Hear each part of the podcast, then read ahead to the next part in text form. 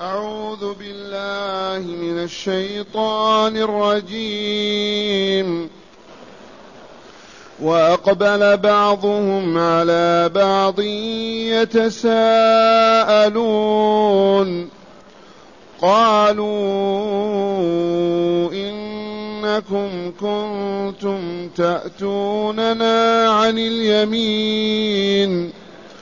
قالوا بل لم تكونوا مؤمنين.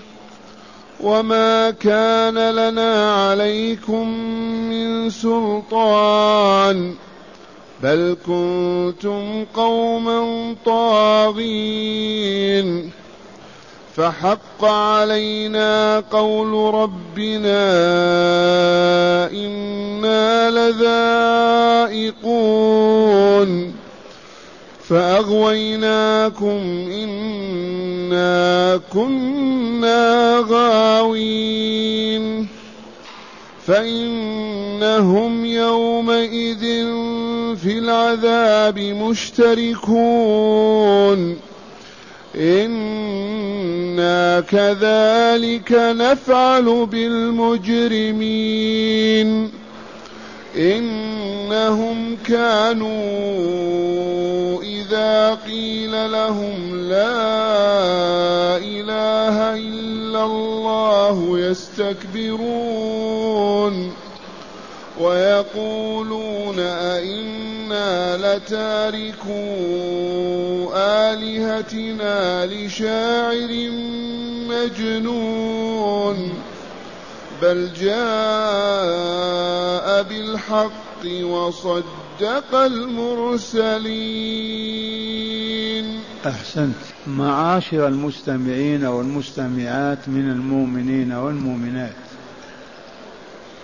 ما زال السياق الكريم في بيان الحوار الذي دار بين المجرمين.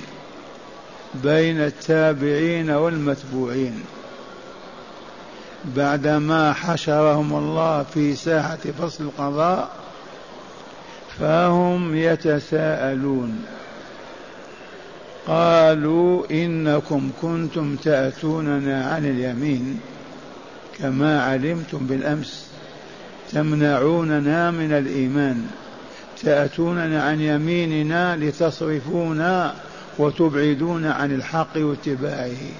تأتون عن شمائلنا تأتون من كل جهة تمنعوننا من الدخول في رحمة الله في الإسلام. رد عليهم المتبوعون فقالوا بل لم تكونوا مؤمنين. ما كنتم مؤمنين ونحن صرفناكم عن الإيمان.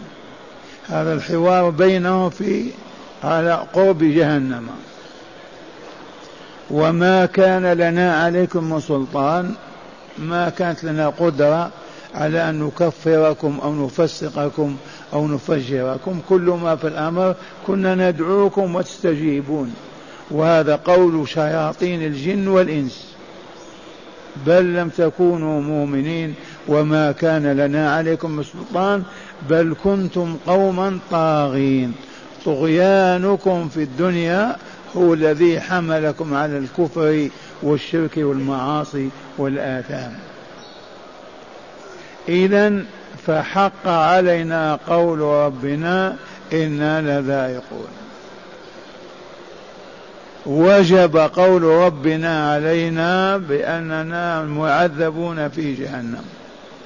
إذ قال تعالى لأملأن جهنم من الجنة والناس أجمعين. والرسول يقول يقول الله تعالى لأدخلن الناس النار ولأدخلن الناس الجنة. هكذا. خلق خلقت الجنة والنار للناس يدخلونها. المؤمنون الصالحون في السماوات العلى في الجنة والفاسقون الفاجرون المشركون في النار في الدركات السفلى. فحق علينا قول ربنا وثبت ووجب وهو قوله لأملأن وعزتي وجلالي لأملأن جهنم من الجنة والناس أجمعين. فدخلنا فأغويناكم إنا كنا غاوين. أغويناكم حقيقة وأفسدناكم وضللناكم لأننا كنا كذلك. كنا غاوين ضالين هالكين مشركين كافرين. هذا هو السبب. قال تعالى فإنهم يومئذ في العذاب مشتركون إنسهم وجنهم. الفسق الفجر رجال نساء من الإنس من الجن كلهم في جهنم.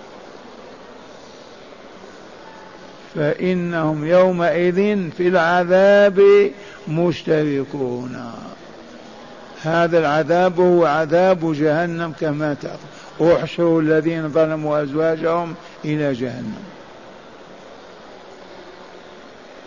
إنا كذلك نفعل بالمجرمين. هكذا يقول الرب تبارك وتعالى إنا كما فعلنا بكم يا أنتم هؤلاء التابعين المتبوعين نفعل بالمجرمين غيركم. من هم المجرمون؟ يرحمكم الله. نفكر. الإجرام الفساد. فلان مجرم. يجرم كيف؟ يفسد. يسلب أموال الناس ينتهك أعراضهم ينالهم من كرامتهم يأخذ أموالهم يقطع الطريق عليهم هذا هو الإجرام. وقد عرفنا وكنا عالمين والحمد لله أن الإجرام هنا على النفس. يفسدون أنفسهم بالكفر والشرك والذنوب والآثام. أولئك هم المجرمون. الذين أجرموا على أنفسهم بفعل المعاصي والذنوب. فالذي يعصي الله ورسوله يترك ما أوجب الله ورسوله ويفعل ما حرم الله ورسوله والله لقد أجرم على نفسه أفسدها خبثها عفنها ما أصبحت أهلا لتجاور الله في الملكوت الأعلى. بل أصبح مصيرها في أسفل سافلين في جهنم. هكذا يقول تعالى إنا رب العزة والجلال والجمال كذلك نفعل بالمجرمين الزنا والمرابون والسرقة والعاقون لوالديهم أصحاب الجرائم الكبرى التي ماتوا عليها يفعل الله بهم هذا العذاب. أهل التوحيد يخرجهم بعد أحقاب من السنين أهل الشك يخلدون أبدا. ثم قال تعالى إنهم كانوا في الدنيا إذا قيل لهم لا إله إلا الله أي قولوا لا إله إلا الله يستكبرون ويتعنترون. تذكرون وفاة عبد المطلب وفاة أبي طالب عم النبي صلى الله عليه وسلم. وهو مريض على سرير الموت. والرسول إلى جنبه لأنه عمه وأحسن إليه أحسن إليه إحسانا عظيما. يقول يا عم اذكر كلمة قل كلمة أشفع لك بها عند الله. فيحاول أن يقول ثم ينظر إلى من حوله من المعزين من أبي جهل وغيره. آه أتترك ملة أبيك يا أبا طالب؟ فيقول آخر هو على ملة عبد المطلب. بل يسخرون والله إلى الآن ملايين البشر لو تقول له قل لا إله إلا الله يستهزئ منك ويسخر. وإذا قيل لهم لا إله إلا الله يستكبرون ولا يقولونها ويتأففون. ومعنى لا إله إلا الله أن تعترف بالعلم أنه لا يوجد إله يستحق أن يعبد في الكون إلا واحد ألا وهو الله الذي خلق الأكوان كلها. قل لا إله إلا الله معترفا بقلبك ولسانك أنه لا يوجد في الأكوان في السماء والأرض من يعبد إلا الله واحد الأحد لأنه رب العالمين وخالق الأكوان كلها والمدير للحياة كلها والمحيي والمميت. أما من عداه نبيا أو ملكا أو كذا لا يملك شيئا. كيف يؤله ويعبد؟ فكيف إذا يعبدون الأصنام والتماثيل والصور؟ إنهم كانوا إذا قيل لهم لا إله إلا الله يستكبرون عنها فلا يقولون. والآن لو تقول ليهودي أو نصراني أو مسيحي قل لا إله إلا الله يقولها يسخر منك. ما معنى لا إله إلا الله؟ علمه بأنه لا يوجد كائن في السماوات والأرض يستحق أن نركع له ونسجد ونرفع أيدينا ونسأل ونتضرع. لا يوجد إلا الله. ما هو عيسى ولا أمه ولا الصليب ولا كذا ولا كذا. وهو حق. الذي خلقني ورزقني وحفظني حتى أصبحت هكذا هو الذي يستحق عبادتي. هو الذي أعبده. أما الذي ما خلقني ولا رزقني ولا حفظني ولا ولا ولا كيف أقبل عليه وأنحني بين يديه؟ أيعقل هذا بأي حق؟ إنهم كانوا أي أولئك المجرمون الواقعون في جهنم. إنهم كانوا إذا قيل لهم لا إله إلا الله يستكبرون فيمتنعون من القول ولا يقولون. وكم عرضت هذه على أبي جهل وعقبة بن معيط وفلان وفلان يضحكون ويسخرون ولا يقولونها وقال تعالى أيضا عنهم ويقولون أئنا لتاركوا آلهتنا لشاع مجنون. هذه كلمة كفار قريش كفار مكة على رأسهم أبو جهل عقبة بن المعيط وأبي بن خلف وفلان وفلان وفلان. يقولون مستهزئين ساخين كيف نترك آلهتنا لقول شاعر مجنون؟ يقولون فالرسول شاعر والله يكذبون. والله ما هو بشاعر ولا يعرف الشعر أبدا. تذكرون لما أنشد بيتا من الشعر ماذا قال؟ ستبدي لك الأيام ما كنت جاهلا ويأتيك من لم تزوده بالأخبار. فضحك أبو بكر. قال والله إنك لا رسول الله. لأن البيت معه بين أيديهم ستبدي لك الأيام ما كنت جاهلا ويأتيك بالأنباء من لم تزود. ما زودته ولا كلفته ويأتيك بالأنباء والأخبار. فلما أنشد الرسول بيت ما جاء به كما هو. ويأتيك بالأنباء من لم تزوده بالأنباء أو بالأخبار. فضحك أبو بكر الصديق وقال والله إنك لرسول الله لأن الله قال وما علمناه الشعر وما ينبغي له وما علمنا رسولنا محمدا الشعر وما ينبغي له أبدا لأنه حامل رسالة لا إله إلا الله يحمل شرائع الله لهداية الخلق فكيف يكون من الشعراء؟ والإمام محمد بن إدريس الشافعي قال لولا لولا أن الشعاب أن شعب العلماء يزري لكنت أشعر من لبيدي. ومع هذا الشاعر فحل فوق العادة ما يأتي بالشعر إذا ويقولون أئنا لتارك آلهتنا والتخلي عنها وعدم عبادتها من أجل شاعر مجنون؟ يصفون الرسول بالشعر وهو كاذب وبالجنون الرسول مجنون؟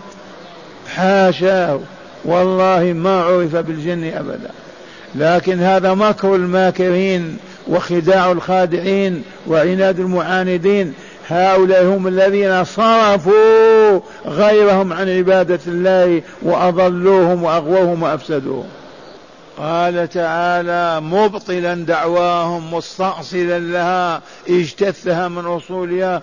بل جاء محمد صلى الله عليه وسلم بالحق. ألا وهو لا إله إلا الله ألا وهو أن يعبد الله. الذي امتن على عباده بخلقهم ورزقهم هذا الذي يعبد. أما اللات والعزى ومناه وما إلى ذلك من الأصنام والأحجار فلا تستحق العبادة ولا تعبد. بل جاء محمد صلى الله عليه وسلم بالحق فليس بساحر ولا شاعر أبدا. وصدق المرسلين. الذين سبقوا ثلاثمائة وأربعة عشر رسولا ما كذب أحد منهم ولا أنكر رسالة أحد آمن وصدق بما أرسل الله وأنزل من كتبه وصدق المرسلين. فهو يخبر عن الأنبياء وعن الصالحين في القرآن الكريم. كيف يقال ساحر ومجنون؟ هذا شأن الماديين الذين لا يؤمنون بالله ولا بلقائه. لا بد وأن يقفوا هذا الموقف السيء والعياذ بالله تعالى. وإليكم شرح الآيات من الكتاب لتزدادوا علما وبصيرا. فتأملوا يرحمكم الله. لتزدادوا علما وبصيرا. ما زال السياق الكريم. فيما ذكر تعالى من تساؤلات الظالمين وما قاله الأتباع للمتبوعين وما قاله المتبوعون للأتباع فقوله تعالى فحق علينا قول ربنا إنا لذائقون. هذا قول المتبوعين لأتباعهم. قالوا لهم فبسبب غوايتنا وضلالنا وجب علينا العذاب. إنا وأنتم لذائقون لا محالة وقال لهم وقالوا لهم أيضا معترفين بإغوائهم لهم فأغويناكم إنا كنا غاوين. هذا قول الجن والإنس. قال تعالى فإنهم يومئذ في العذاب مشتركون وذلك لاشتراكهم في الشرك والشر والفساد. إنا في العذاب مشتركون لما؟ لاشتراكهم في الشرك والشر والفساد في الدنيا. وقوله تعالى إنا كذلك نفعل بالمجرمين من سائر الأصناف كالزناة وأكلة الربا وسافك الدماء. فتعذب فنعذب الصنف مع صنفه. وهذا عائد إلى قوله تعالى فيما تقدم أحصوا الذين ظلموا أزواجهم أي أشباههم وأضرابهم. وقوله تعالى إنهم كانوا إذا قيل لهم لا إله إلا الله يستكبرون. يخبر تعالى عن مشركي قريش أنهم كانوا في الدنيا إذا قال لهم رسول الله صلى الله عليه وسلم أو أحد المؤمنين قولوا لا إله إلا الله يستكبرون ويشمئزون ولا يقولونها بل ولا يق بل ويقولون أئنا لتاركوا آلهتنا لشاعر مجنون يعنون النبي محمد صلى الله عليه وسلم يصفون القرآن بالشعر ومحمدا تأليه وقارئه بالشعر ولما يدعو إليه من الإيمان بالبعث والجزاء يسمونه بالجنون. والرسول في نظرهم مجنون. فرد الله تعالى عليهم بقوله بل جاء بالحق أي لم يكن رسولنا بشاعر ولا بمجنون بل جاء بالحق فأنكرتموه وكذبتم به تقليدا وعنادا فقلتم ما قلتم. وإنما هو قد جاء بالحق الذي هو لا إله إلا الله وصدق المرسلين الذين جاءوا في قبله بكلمة لا إله إلا الله والدعوة إليها والحياة والموت والموت عليها. اللهم اجعلنا من أهل لا إله إلا الله مع هداية الآيات. بسم الله والحمد لله والصلاة والسلام على رسول الله. من هداية هذه الآيات أولا بيان هلاك الضال ومن أضله والغاوي ومن أغواه. أعيد. بيان هلاك الضال ومن أضله والغاوي ومن أغواه. بيان هلاك الضال ومن أضل الغاوي ومن أغوى بينت الآية هلاكهم كلهم في جهنم. نعم. ثانيا بيان ما كان يوجهه المشركون لرسول الله من التهم الباطلة ورد الله تعالى عليها. من هداية الآيات بيان ما كان المشركون في مكة يوجهون إلى رسول الله من الاستهزاء والسخرية والقول الباطل وصفوه بالشاعر والمجنون. نعم. ثالثا التعظيم من شأن لا إله إلا الله. ثالثا التعظيم بشأن لا إله إلا الله. قولوها فإن من مات وهو يقولها لن يخلد في النار أبدا. يقول الرسول الكريم صلى الله عليه وسلم من, من كان آخر كلامه لا إله إلا الله دخل الجنة. ومن هنا قلنا آلاف المرات على الحكومات الإسلامية أن تجعل في المستشفيات كبيرة أو صغيرة من يلقنون المرضى هذه الكلمة. توظف المستشفى خمسة أنفار ثلاثة أربعة مهمتهم. إذا كان المريض أوشك على الوفاة يجلسون إلى جنبه ويقولون لا إله إلا الله. بصوت منخفض. لا إله إلا الله. فإذا قالها المريض سكتوا. فإذا قالها ثم تكلم بعد ذلك قال أعطوني ماء أو كذا يعيدونها حتى تكون آخر كلمة يقولها فيطبع له بطابع الجنة. ولو دخل النار.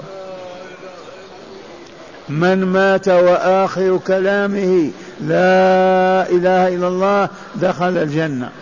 على شرط أن يكون عالما بمعنى لا إله إلا الله. ما يقولها تقليدا فقط. عالما بأنه لا يوجد في الكون من يستحق أن يعبد بأية عبادة إلا الله. لا إله لا معبود بحق إلا الله. فينفي العبادة عن كل المخلوقات ويثبتها لله عز وجل. لا بد من معرفة لا إله إلا الله. فالمشركون في مكة لولا أنهم يعرفون لا إله إلا الله ما لكانوا يقولون ما يضرهم. لكن معناه أننا نترك آلهتنا ونتخلى عن عبادتها ونمشي مع محمد وما يقول. لعلمهم. اليهودي يقول لا إله إلا الله لكن هل يعرف أنه إذا قال لها لا يعبد العزي ولا يعبد إلا الله ويعبد الله بما شرع؟ لو يعرف هذا ما يقولها. المسيح كذلك قد يقول لك لا إله إلا الله لكن هل فهم معناه أنه لا يعبد إلا الله ويجب أن يعبد الله؟ من الآن يغتسل ويتطهر ويصلي ويصوم. لا بد من هذا. نعم. وأخيرا تقرير التوحيد والبعث والجزاء والنبوة المحمدية. تقرير البعث والجزاء والنبوة المحمدية. وهذا الذي قلت لكم معاشر المستمعين والمستمعات الصور المكية كلها تعمل على هذه الحقيقة. تقرير لا إله إلا الله محمد رسول الله الدار الآخرة للبعث والجزاء.